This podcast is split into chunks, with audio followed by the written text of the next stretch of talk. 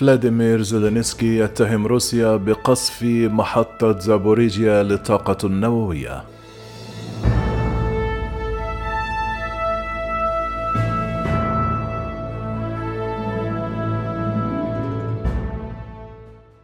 فيما يستمر الجيش الروسي في ضرب مواقع القوات والبنية التحتية العسكرية الأوكرانية وتحرير أراضي دونباس فيما تتلقى كييف الدعم والعتاد العسكري من القوى الغربية.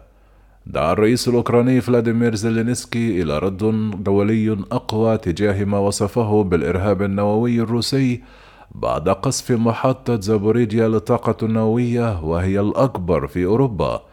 قال الرئيس الأوكراني فلاديمير زيلينسكي على تويتر أنه دعا خلال مكالمة هاتفية مع الرئيس المجلس الأوروبي شارل ميشيل إلى فرض عقوبات على الصناعة النووية الروسية والوقود النووي الروسي.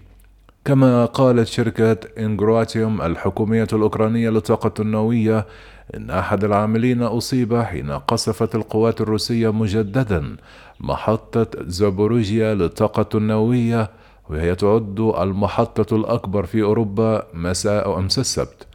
قال على تطبيق تليجرام أن هجمات صاروخية قصفت مواقع منشأة التخزين الجاف بالمحطة حيث يتم تخزين 174 حاوية بها وقود نووي مستنفد في الهواء الطلق. يذكر أن القوات الروسية استولت على محطة زابوريجيا في المرحلة الأولى من الحرب ولكن ما يزال يديرها فنيون أوكرانيون. أصابت القذائف خط كهرباء عالي الجهد يوم الجمعة في المنشأة النووية مما دفع القائمين على العمل إلى فصل إحدى المفاعلات على الرغم من عدم اكتشاف أي تسرب إشعاعي. تبادل الجانبان اتهامات أمس السبت بالضلوع في الإرهاب النووي وألقت إنجرواتيوم باللوم على روسيا في الأضرار بينما اتهمت وزارة الدفاع الروسية القوات الأوكرانية بقصف المحطة. ميدانيا أفاد مكتب تمثيل جمهورية دونيتسك بالمركز المشترك للتحكم والتنسيق في نظام وقف إطلاق النيران بأن القوات الأوكرانية أطلقت 13 قذيفة على منطقة في دونيتسك صباح يوم الأحد. كما أضاف البيان أن منطقتي جولوموفسكي وزايتسيفو قد تعرضتا أيضا للقصف في الصباح الباكر من هذا اليوم. من جهتها أعلنت وزارة الدفاع الروسية أن القوات المسلحة تمكنت من القضاء على أكثر من 80 مرتزقا أجنبيا ونحو 500 مسلح أوكراني في منطقة خيرسون. كما أعلنت وزارة الدفاع بأن الجماعات المسلحة الأوكرانية نشرت مدرعات وراجمات صواريخ قرب مؤسسة تعليمية في مدينة دروزوكوفكيا بجمهورية تونيتكس الشعبية.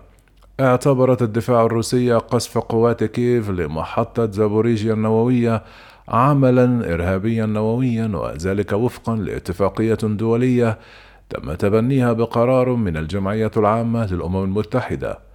قال رئيس مركز مراقبة الدفاع الوطني الروسي ميخائيل ميزنتسيف وفقا للاتفاقية الدولية التي تم تبنيتها بموجب قرار الجمعية العامة للأمم المتحدة في الثالث عشر من إبريل من عام 2005 فإننا نعتبر هذه الأعمال الإجرامية للسلطات الأوكرانية إرهابا نوويا. وأضاف في حالة وقوع حادث في محطة زابوروجيا النووية ستحدث كارثة عالمية من صنع الإنسان وستتجاوز من حيث حجم التلوث الإشعاعي إلى حد كبير عواقب الحوادث التي وقعت في محطتي الطاقة النووية في تشيرنوبل كما أشار إلى أن منطقة التلوث الإشعاعي ستبلغ أكثر من 5.3 ألف كيلومتر مربع وستشمل كييف وزابوروجيا وخاركوف وبولتافا وخيرسون وأوديسا ونيكولاييف وفينيتسيا وجمهوريتي دونيتسك ولوغانسك الشعبيتين والمناطق الحدودية لروسيا وبيلاروس بالإضافة إلى مولدوفا وبلغاريا ورومانيا. ودعا الأمم المتحدة والوكالة الدولية للطاقة الذرية والمنظمات الدولية الأخرى إلى إدانة الأعمال الإجرامية لسلطات كييف واتخاذ تدابير عاجلة لمنع الاستفزازات في المنشآت الخطرة الإشعاعية في أوكرانيا.